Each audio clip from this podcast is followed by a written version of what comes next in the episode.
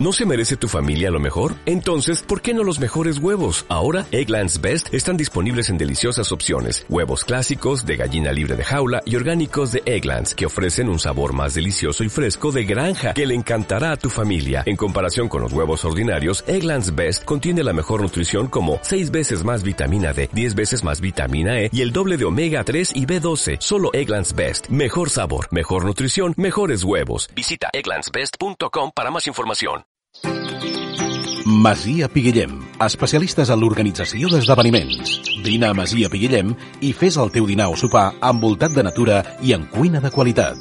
Més informació i reserves a masiapiguillem.com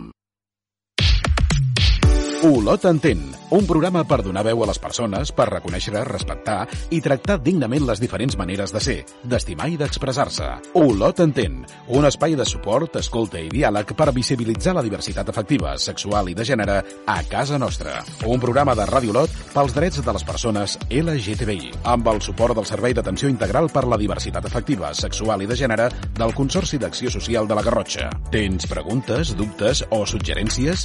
Vols explicar la teva experiència? Posa't en contacte amb nosaltres a través de les xarxes socials de Ràdio Olot. Olot entén. Escolta'l els dimecres a dos quarts de dues del migdia i sempre que vulguis al podcast de radioolot.cat. Ràdio Olot, ara i sempre compromesos amb la societat.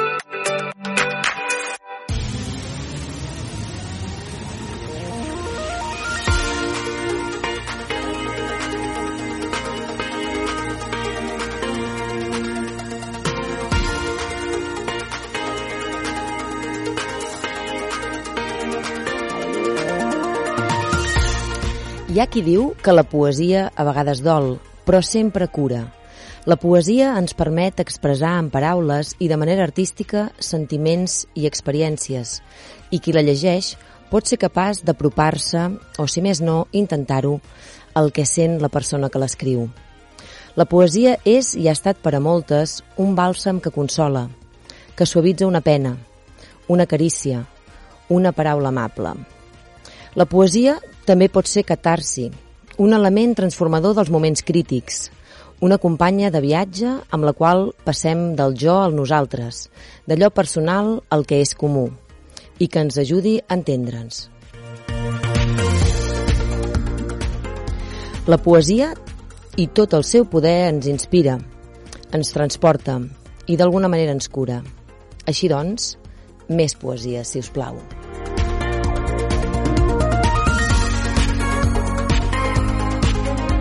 Olot entén, un programa per donar veu a les persones, per reconèixer, respectar i tractar dignament les diferents maneres de ser, d'estimar i d'expressar-se. Amb Tina Ruiz.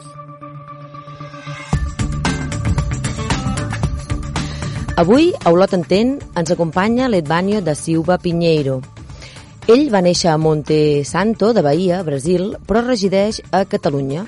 És llicenciat en Humanitats i graduat en Teologia i Psicologia postgraduat en formació humana. S'ha format en autolideratge i conducció de grups i actualment està cursant un màster en art teràpia. Ha treballat a centres residencials i ocupacionals en l'àmbit de persones amb discapacitat i d'altres col·lectius. Edvanio, bienvenido al programa. Gracias. Es un placer estar con vosotros.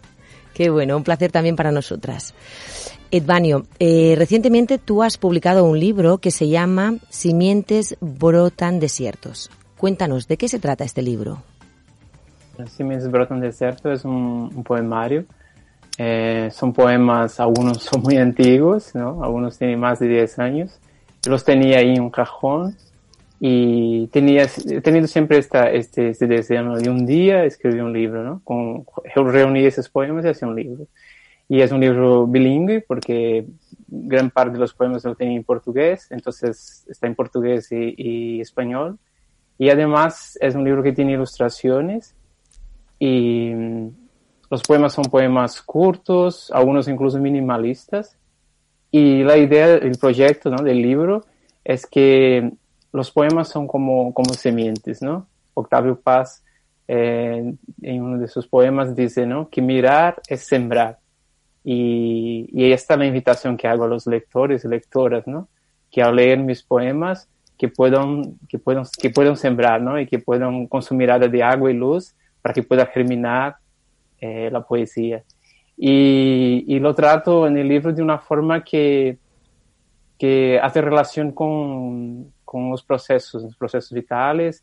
Es un libro que tiene mucho, mucho que ver también con mi, mi propio proceso, con mi propia vida. Uh -huh. cuando dices simientes, entiendo que podemos eh, traducirlo en castellano como semilla. ¿La simiente significa semilla? Exactamente. Uh -huh. Las semillas. Sí, he buscado porque en el, en el, en el diccionario contempla los dos, ¿no? Semillas es más popular, es más uh -huh. conocido, pero simiente también. Entonces, como quería mantener eh, que se pareciese o máximo con portugués, entonces he elegido simiente, ¿no? Y por, también porque parece que es una palabra como más arcaica, ¿no? Al menos lo que he entendido. Uh -huh. Pero sería semilla también. Ajá, simientes. Y dices, eh, nos comentabas hace un momento que es un proyecto estrechamente eh, ligado a tu experiencia personal, vital. Uh -huh. Sí, yo creo que con el propio título ya, ya habla mucho, mucho de, de mi realidad. Yo vengo de, como has dicho, de Brasil, y cuando se habla de Brasil, automáticamente pensamos menos que un país grande, ¿no? Entonces pensamos en los grandes bosques, ¿no? Como la Amazonia, los grandes ríos, porque tiene muchos grandes, tiene ríos muy grandes, o las playas, o, la, o las grandes ciudades, ¿no? Como São, São Paulo, por ejemplo, que es una de las grandes metrópolis del mundo. Pero no se escucha hablar de, de que tenemos también una región que es casi desértica, digamos, ¿no? Es semiárido que es de donde vengo, y se llama en portugués sertão, ¿no? Y, y allí hay periodos eh, donde pasa meses sin llover. Y me acuerdo de, de, era niño y adolescente, en el tiempo que, que vivía y que muchas veces mirabas allí, porque claro, estaba tanto tiempo sin llover que todo parecía muerto, ¿no? Y daba tristeza y, y la sensación de que no había, no había vida. Y de pronto empezaba a llover y de golpe todo se transformaba, ¿no? Entonces, las semillas estaban ahí como esperando, ¿sabe? Ávidas de, de, de lluvia. Y de pronto todo se transformaba. Y, y cuando hay mucha lluvia, eh, hay fiesta, hay, hay abundancia de alimentos y, y, y, la gente está feliz y contenta, ¿no? Entonces, el título ya habla mucho de mí, uh -huh. de mi experiencia, ¿no? Uh -huh. eh, Edvanio, eres de, de Brasil y, y, sé que a los 18 años entras a la formación de seminarista, es decir, que empiezas a estudiar eh, teología y, y, psicología. ¿Qué es lo que te llevó a esta, a tomar esta decisión de, de entrar a seminarista y a estudiar teología? Uh -huh.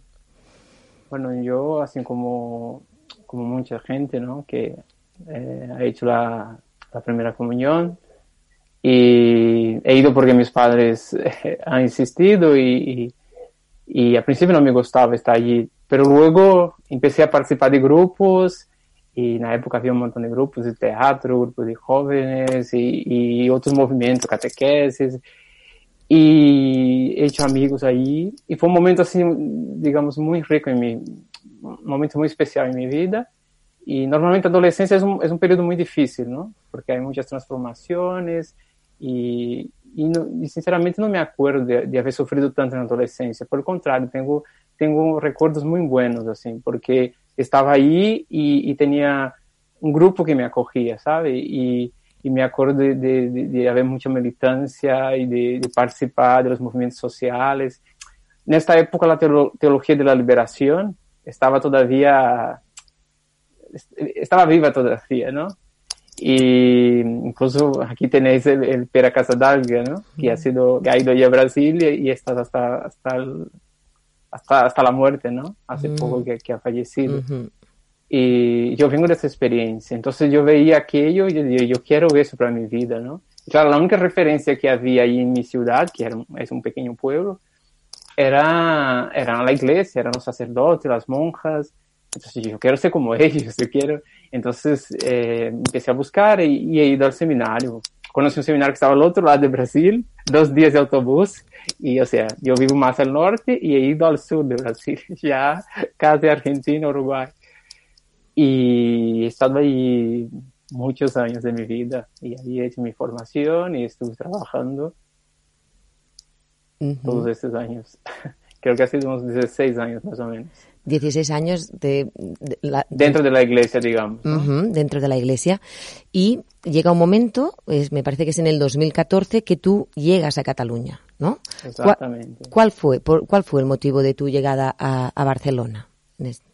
Pues eh, yo prácticamente todo el tiempo que he estado ahí, que he estado en la iglesia, he estado en un seminario. Primero me formando, ¿no? Cuando entras en un seminario, tienes que pasar por unas etapas de formación, ¿no? Que en mi caso ha sido Normalmente son 8, 9, 10, depende, ¿no? Yo después de 10 años me ordené sacerdote, me ordené sacerdote. Entré en 2008 y do, 2008, en 98 y 2008 fue mi, mi ordenación, ¿no? Pero antes mismo ya empecé a trabajar en el seminario, o sea, dejé de ser un, formando y pasé a ser formador, a ser responsable de la formación, estar con los chicos y tal. Y, y he estado todo ese tiempo, hasta 2014, en esto. Mis compañeros iban cambiando de, de de trabajo, algunos iban al seminario, salían, iban a la parroquia, iban a un colegio, y yo seguía en el seminario. Entonces, la sensación que estaba es que estaba un poco cansado, porque es, es duro, porque estás allí con los chicos todo el año, Eres, eres el, el, padre, la madre, y haces un poco de todo. Y yo me sentía un poco cansado y, y también quería probar otras cosas, ¿no? Entonces hablé con el superior de que ya era la hora de, de poder cambiar y no imaginaba que me enviarían aquí, pero, pero fue cuando dijeron, mira, te vas ahí, vas a Cataluña, te vas a Blanes, y, y así fue, o sea, tuve algunos, unos seis meses más o menos para me organizar, me despedir de mi familia, y llegué aquí en el, en el otoño de, de 2014. Vale, entonces, Antonio, dices que llegas a Blanes. Exactamente. En otoño del 2014 llegas a Blanas. ¿Y qué tal? ¿Cómo fue la llegada aquí, a Cataluña, a Blanas, dejar Brasil? Bueno, yo he venido con, con, con, mucha ilusión, con un poco de, digamos así, con un poco de miedo, ¿no? Porque eso sería una nueva experiencia, pero he llegado ilusionado, ¿no? Pero luego, claro, llego aquí otoño y empieza el frío y, y, y una realidad muy distinta, la cultura, mas assim, principalmente a igreja, assim, que é muito distinta da realidade da igreja de, de Brasil, da realidade da Europa em geral, não? Pero aqui em Catalunha. E para mim foi um choque e, e he sofrido muitíssimo, assim, nesse sentido, assim, para me adaptar, não? E, e estive aí depois logo inverno também. E creio que uma das coisas que me ha salvado de, não sei, de pronto haver entrado en una depresión o, o, o a lo mejor de, de, querer volver a Brasil. Creo que ha sido la, la, la, las corridas que hacía, salía a correr, salía a caminar y eso casi todos los días. Y eso me, me ayudaba y me, me mantenía vivo, digamos así. Uh -huh. Y hablas de esta, de esta diferencia que sientes tan fuerte de la iglesia aquí y de la iglesia que tú vivías ¿no? y, y uh -huh. compartías en Brasil. Sí, la diferencia es que, por ejemplo, ¿no? Allí, aquí las iglesias, vas, primero hay poca gente, la mayoría son personas ya mayores, aquí el sacerdote casi que hace todo, a veces hace todas las lecturas, es él que prepara todo. Eh, allí no, las iglesias están, están llenas, normalmente están llenas de gente, hay mucha juventud, la música, están ahí con instrumentos, la música no es una música tan formal como aquí, que aquí suele, suele ser el, el órgano, y ahí no, ahí hay, hay guitarra, hay, no sé, es, es, es muy distinto, ¿no? Y, y, principalmente con los nuevos movimientos que hay en la iglesia hoy, la renovación carismática, por ejemplo, en Brasil es muy fuerte, y, y se han adaptado, digamos así, a los tiempos, ¿no? Y hay mucho, mu, muchos jóvenes en la iglesia, y el sacerdote se limita a, a hacer la celebración, digamos, ¿no? La gente está ahí participando y haciendo todo eso. Eso solo hablando de, de, de las misas, ¿no? Uh -huh. Y ahí todo en relación con las pastorales, con los grupos, hay, hay movimiento y, y, y, yo diría que hay más abertura también, ¿no? Aquí es como si la iglesia hubiese parado en el tiempo. A, la sensación un poco es esa. Las iglesias eh, son casi museos, ¿sabes? O sea, la gente entra mucho más para ver su belleza que propiamente para rezar, para hacer esa experiencia. Entonces, uh -huh. esto ya es un choque, ¿no? De pronto estás ahí haciendo celebración y ves dos, tres personas, ¿sabes? Y uh -huh. tú tienes que hacer casi todo. Si no lo haces, no, nadie lo hará, o sea. Uh -huh. O sea que sí que viviste una experiencia muy contrastada, ¿no? Del sentido de comunidad y de, de mucha más población, mucha más diversidad y otra manera de vivir eh, la religión, ¿no? Y de expresarla y de practicarla en comparación aquí, ¿no? Y después aquí estaba en un colegio, o sea, yo ya no tenía experiencia ninguna en el colegio y de pronto llegué y ya empezaron las clases y claro, entre el catalán que todavía no, no, lo entendía y, el, y el, el, español estaba, yo sí que sabía un poco de, de, de, español, pero faltaba practicar un poco más, entonces claro, todo eso de golpe así, eh, sí ha sido un poco duro. Y me, pero diría que la soledad ha sido lo peor, ¿sabes? Mm. Porque cuando no tienes tus amigos, tu familia, bueno, mi familia ya, ya no, no los tenía cerca porque, como he dicho, eh, donde vivía yo y donde está mi familia está muy lejos, ¿no? Pero, pero los amigos sí que, que sentía mucha falta y, creo que esto sí que es un, acaba siendo un problema, ¿no? ¿Y, ¿Y, qué pasa entonces después con toda esta primera experiencia de, de, dificultad llegando a, Cataluña, a Blanas? Eh, ¿Qué pasa después? Eh, llegó la primavera, ¿no? La primavera, periodo de las flores. Y fue un periodo así en que ya empezaba a tener algunos amigos y no sé, creo que las cosas fueron mejorando así. Yo me sentía un poco más a gusto, pero de pronto conocí uno de mis amigos y yo empecé a sentir algo eh, por él, ¿no? Un sentimiento que hasta entonces lo tenía como prohibido, como, como algo negativo mismo, ¿no? Algo que no debería ser aceptado. Y, y, esse tempo também solo, é, este ano, me ha servido também para pensar muito, refletir muito, ¿no? de como dizer, o que quero para minha vida, sabe? Ou seja, quero isto, quero seguir aqui, fazendo isto, sabe? E, e depois de conhecer esse amigo, assim, foi como uma gota que, que faltava, não? Ou seja, antes, eu, quando eu disse a, a princípio que, que estava cansado de lo que hacía antes, eu acredito que quando alguém ama uma coisa, não se cansa, não? Ou seja, um padre não se cansa de seu filho, jamás, ¿no? Porque es su hijo y lo quiere. Pero creo que lo, lo que, lo que hacía yo no, no me llenaba del todo. Y, y fue eso, yo, yo me amontonaba de cosas, de tareas para no pensar en mi vida. Y estando aquí, además tenía mucha responsabilidad allí, entonces tampoco es como no me permitía pensar en dejar. Y aquí yo, yo, tenía algunas responsabilidades, pero eran menos, ¿no? Y ahí, en, en la primavera, entonces mira, ahí una noche, fue curioso, porque después de años ahí sentí coraje de, de, de, enfrentar todo eso, una noche he decidido mi vida. no conseguí dormir, dando vueltas en la cama, dando vueltas, dando vueltas. Ya, creo que a lo mejor ya eran casi las seis de la mañana por ahí. He dicho, hoy, hoy cambio mi vida, o sea, hoy haré algo, ¿no? Entonces llamé a este amigo y hablé con él, ¿no? Y fue la primera persona con quien pude hablar un poco acerca de, de, mi sexualidad y decir, mira, soy, soy gay y, y, me costó un montón de decir. Y, y él dijo, mira, no sé si nuestra relación tiene futuro o no, pero igualmente eh, estoy contigo, te apoyo y si, si tu decisión es, es dejar a la iglesia, pues bien, de mí me parece bien. Y fue así. Y el día siguiente ya empecé a hablar con los superiores y, y, me acuerdo que fue, fue una sensación muy buena, ¿sí? ¿sabes? Cuando, cuando después que, que, pude decir, porque por más que tuviera amigos, pero no tenía ese coraje de poder expresar esto, ¿sabes? Y fue como, ¡ay, qué bien! Y ahí es un poco pesado todos los trámites para, para, para dejar, imagina, después de 16 años, dejarlo todo. Eh, pero lo enfrenté de una manera así muy tranquila por eso, porque yo me sentía ligero, me sentía libre, ¿sabes? Y, y fue eso, o sea, en poco tiempo, en, en, un mes más o menos, lo dejé y empecé una nueva vida de cero. Y así fue. ¿Y cómo, cómo, cómo fue la reacción, por ejemplo, en este caso de la iglesia o de gente cercana a ti, ¿no? En este, en este reconocerte y, y expresarte y desde vale. tu vivir, ¿no? Desde uh -huh. reconocerte como homosexual, este salir de la iglesia, que también a su vez fue salir del armario, ¿no? En tu orientación uh -huh. sexual. Eh, primero, yo en aquel momento, como era, era, era, mucha, era mucha cosa para procesar, y, y, incluso me costaba también, o sea, yo no estaba preparado en aquel momento para llegar y decir, mira, eh, estoy saliendo y soy homosexual o, ¿sabes? Eso no, entonces he sido lo más, más verdadero posible, pero he omitido eso, ¿no? he conocido a alguien y, y estaré con él.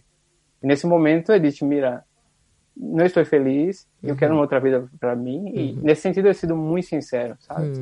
Y decir, no estaba bien y, quiero hacer algo con mi vida y, y, ha sido por ahí, ¿no? Pero la postura de la iglesia, infelizmente, en aquel momento y aún sigue, ¿no? Aunque hoy hay aberturas y se habla de diálogo, se habla de, de, de respetar, de, de acoger, pero infelizmente la postura sigue, no ha cambiado mucho. O sea, la iglesia infelizmente no ve con buenos ojos, bons ojos ¿no? las personas que tienen una orientación sexual distinta, ¿no? O sea, para la iglesia la familia es única, es el padre, la madre y los hijos, y punto final, ¿no? O sea, no, no consegue ver la, otros, otros, otros tipos de familia, ¿no? Aunque este típico padre, madre y hijos cada vez es menos, ¿no? Porque hoy hay una diversidad y en Brasil, aquí hay, yo diría que en Brasil aún hay más, ¿sabes? O sea, hay, hay una variedad tan grande de familias, pero infelizmente para la iglesia es esto. Y, y yo, en mí, en mí, yo creo firmemente de que, de que Jesús ama a todos y, y, y, Él vino, vino principalmente para las personas que, que, que se sienten o que son excluidas, ¿no? Entonces, en ese sentido, realmente no, no, no, no hace sentido, ¿no? La iglesia, por el contrario, debería amar a todos, ¿sabe? Y, y, y a todas esas personas deberían ser las primeras personas a serem acogidas e, e, e, serem aceptadas, e não juzgadas ou alejadas ou, ou condenadas. ¿no? De hecho, eh, hay, sabemos que hay eh, asociaciones o grupos de, de, personas religiosas, ¿no? Que son practicantes, creyentes de diferentes religiones y que también les eh, atraviesa la diversidad sexual y de género, ¿no? Personas cristianas LGTB, de todas las edades, también desde otras eh, religiones y lo que dices tú, ¿no? Eh, a veces hay como el, el, el, cuestionar lo que dicen a veces las escrituras sagradas, pero, pero hay, hay quien considera que hay muchas interpretaciones de estas escrituras y lo que comentas tú, ¿no? Eh, eh, Dios es amor, eh, Jesús estaba con las personas em, excluidas, ¿no? Socialmente, pero cuesta, ¿no? Que desde las instituciones religiosas o, o ciertos estamentos esa apertura eh, que a veces en valores parece ser que sí que se transmite, pero que en la práctica como hay cierta rigidez todavía en ese sentido, ¿no? Exacto. No, incluso yo diría que principalmente el, el, el, Nuevo Testamento, ¿no? Que es, eh, yo creo que de lo que más se habla es de amor, lo que más se habla de amor, pero infelizmente eh, se elige algunos trozos así de la Biblia a dedo, ¿sabes? Y a partir de esos trozos eh, se intenta eh, justificar y, y, y justamente para eso, para condenar, para excluir todas as pessoas que não, não, se, encaixam neste. Olá. Uhum. Sea... Sí, sí.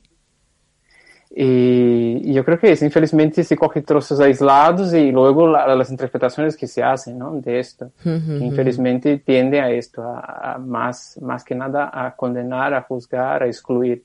Y, y, y, no es así. La Biblia, la Biblia es amor, digamos, resumen de la Biblia es amor. Entonces no hace sentido que excluyas a alguien porque esta persona es distinta. Por uh -huh. el contrario, nadie es igual, a, nadie es igual a nadie, digamos, ¿no? Edvanio, si retomamos lo que comentábamos al principio respecto a, tu, a la publicación de tu libro, eh, tu libro Simientes brotan desiertos consta de cuatro capítulos y cuentas que no es casual. Explícanos la simbología esta del número y que sientes que se plasma también en tu proyecto. Exacto. Eh, y al final he dividido el libro en, en, cuatro capítulos, ¿no? Y he elegido el número cuatro porque es... Eh, Normalmente el 4 tiene esa idea de, de, de, ciclo, de transformación, metamorfosis. También da esa idea de, de estabilidad, de construcción. Y de 4, ¿no? Haciendo, siguiendo la metáfora de la simiente, ¿no? Como la que elegí del libro. Entonces, eh, además de, de, de, las fases, digamos, de transformación de la semilla, también hay otras posibilidades, ¿no? como la, la, las fases de la luna, la reproducción humana, las partes de un, del día, os pontos cardinais, os elementos clássicos, é, na própria mesa, digamos assim, clássica, não? que tem quatro patas, não? Uhum. Então, o número 4 é um número que é, é recorrente, assim, não? E, mas principalmente com essa ideia que eu disse de, de ciclo, de processo, não? E é um pouco disso que, que vai que vai o livro, ¿no? essa ideia de, de, de ciclo de processos. Uh -huh. Y si nos hablas eh, más concretamente de cada uno de estos capítulos, semillas, tierra, eclosión y oasis. Vale, perfecto. Entonces, uh -huh. sí, el primero, el primer capítulo que es semi, eh, sementes o semillas, ¿no? Eh, es como, es un, una, son varios poemas, digamos, que he elegido y yo diría que son esas semillas que estão aí como olvidadas, sabe, em algum rincão da vida, e que há em comum entre esses poemas. Eu creio que há, um, há um ponto, às vezes, de ironia, há um pouco também de resignação, é, quizás um pouco de, de, temor, ou seja, há, há vários elementos aí. É como algo que está aí e que todavia não foi explorado, digamos. Não, é, não sei se, se queres que leia algum poema de este capítulo. No sé si, si tenemos tiempo para eso, ¿no? ¿Qué te parece si nos cuentas de, de, de todo el, el, de los cuatro capítulos y eh, te proponemos si puedes escoger el poema ah. que nos quieras eh, Perfecto. porque vamos un poco vamos un poco justas de tiempo me dice vale perfecto entonces el segundo el segundo capítulo es tierra no es un capítulo digamos así donde la poesía es como un poco más es más oscuro, uh -huh. es, eh, hay frío, hay, hay temor, hay oscuridad, ¿no? Y es como un, sería como el invierno, digamos, ¿no? Este, este, esta, ese periodo. Otro sería un poco otoño, ese sería, sería más invierno. Uh -huh. Después tenemos el, el eclosión, que ya sería como inicio de primavera, ¿no?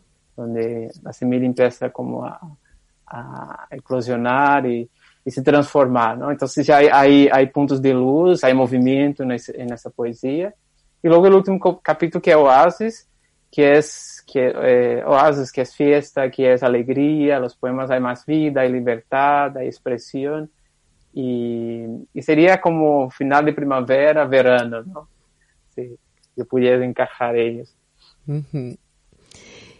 E lês algum poema, Vânio? Alguno que Eh, vale, este poema es de, de, está en el capítulo de tierra. Uh -huh. eh, ¿Leo también en portugués o solo en, en, español?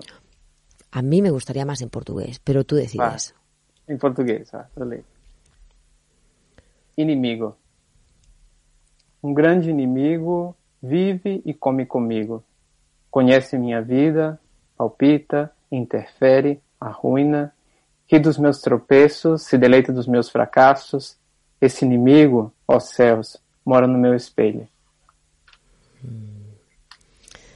Esos enemigos que nos acompañan tantas veces, ¿eh? Exacto. Eh, escúchame, la, las ilustraciones son de Pepper Raffles y, y, os conocisteis y fue una persona importante también para este proyecto, ¿no? Exactamente. Eh, fuimos compañeros de trabajo por un tiempo, en verdad fue, fue un corto tiempo, pero nos hicimos amigos e um dia, mientras tomávamos café, eu comentei que, que escrevia alguns poemas e que tinha um projeto aí no Cacó e tal. E ensinei ele, ah, que guai e tal. Então comentei de que, que tinha intenção de que, que houvesse algum dibujo, não? E hecho a proposta e ele aceitou no momento e, e, e afinal houve boa conexão e, e, na verdade é que estou muito contente. Depois incluso a portada, que a princípio não, não seria ela, mas la propus, des, propus depois y ella aceptó y la verdad es que ha sido un gran acierto y, y estoy emocionado. Mm. Incluso después también hubo la colaboración de un amigo, se llama Adrián, que ha hecho el, el, el prólogo, también ha sido un, una persona conmigo que tengo mucha conexión y al final también ha quedado un prólogo precioso. Edvanio, ¿dónde podemos encontrar tu libro de El Poemario? Eh, ese libro yo tengo, tengo algunos ejemplares, entonces si alguien, alguien se interesa puede me buscar por Instagram, Edvanio Pinheiro.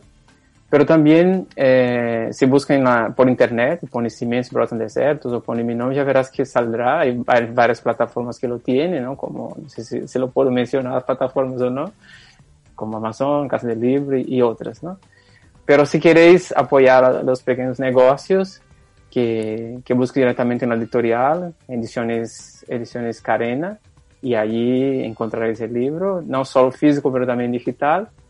Y y, y, están también las redes sociales, o sea que lo, lo podéis buscar y lo podéis comprar. Uh -huh. Edvanio, eh, ¿piensas que Olot y la sociedad en general, a través de tu relato y tu historia, puede llegar a entender más o mejor los procesos vitales eh, personales de la vida? Yo creo que todos podemos aportar algo pero cada vez tengo más clareza de que cuanto más vivamos nuestra verdad, más aportamos a nosotros mismos y a los demás. Mi libro tiene el título Una gran verdad que la revelaré ahora y que además es una buena síntesis de, para esta entrevista. ¿no? Cimientos brotan desiertos. Si mientes a ti mismo, tu vida será un desierto. Así es, pues eh, con esta frase maravillosa, si mientes, mejor que no mentamos y, y que eh, reguemos nuestras simientes. Eh, con esta frase nos despedimos agradeciéndote muchísimo que nos hayas acompañado hoy al programa, Edvanio. Gracias a vosotros.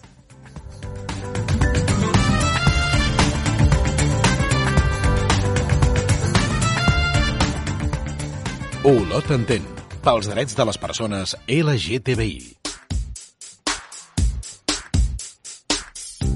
Edvanio, ¿y con qué canción terminamos el programa hoy y por qué la has escogido? He elegido la canción Tocando en Frente, eh, está interpretada por María Betania, porque es una canción popular en Brasil y es muy significativa para mí. Habla de alguien que ya pasó por varias etapas en la vida, que ya no tiene prisa y que cada día se siente más fuerte, más feliz y que tiene, la única certeza que tiene es que sabe muy poco de la vida. Y lo que sabe es que hay que seguir adelante, apostando que se puede componer la propia vida y que tenemos el poder de ser feliz. Espero que os guste. Pues muchísimas gràcies. I així, amb aquesta cançó, ens acomiadem i ens retrobem la setmana vinent a Olot Entén.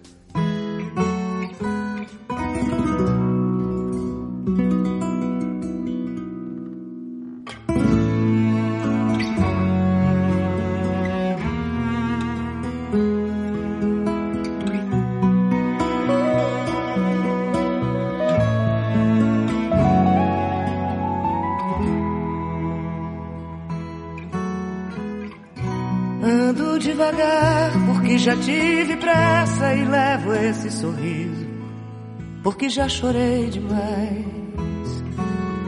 Hoje me sinto mais forte, mais feliz, quem sabe eu só levo a certeza de que muito pouco eu sei. Eu nada sei. Conhecer as manhas e as manhãs o sabor das massas e das maçãs. É preciso amor para poder pulsar, é preciso paz para poder sorrir, é preciso chuva para florir. Penso que cumprir a vida seja simplesmente compreender a marcha e tocando em frente como um velho boiadeiro levando a boiada, eu vou tocando os dias. Pela longa estrada eu sou, estrada eu vou. Conhecer as manhãs e as manhãs, o sabor das massas e das maçãs. É preciso amor para poder pulsar é preciso paz para poder sorrir, é preciso chuva para florir. Todo mundo ama um dia, todo mundo chora, um dia a gente chega, no outro vai embora. Cada um de nós compõe a sua história e cada ser em si carrega o dom de ser capaz e ser feliz. Conhecer as manhas e as manhãs, o sabor das massas e das maçãs. É preciso amor para poder pulsar é preciso paz para poder sorrir, é preciso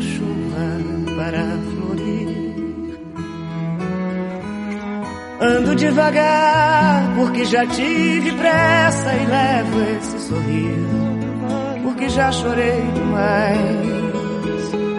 Cada um de nós compõe a sua história e cada ser em si carrega o dom de ser capaz e ser feliz.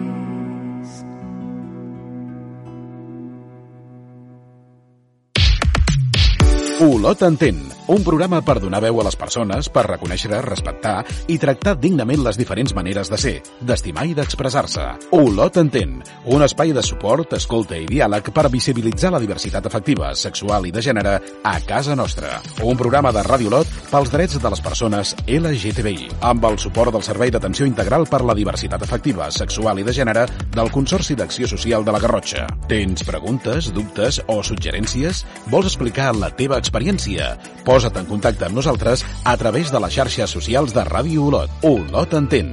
Escolta'l els dimecres a dos quarts de dues del migdia i sempre que vulguis al podcast de radioolot.cat. Ràdio Olot, ara i sempre compromesos amb la societat.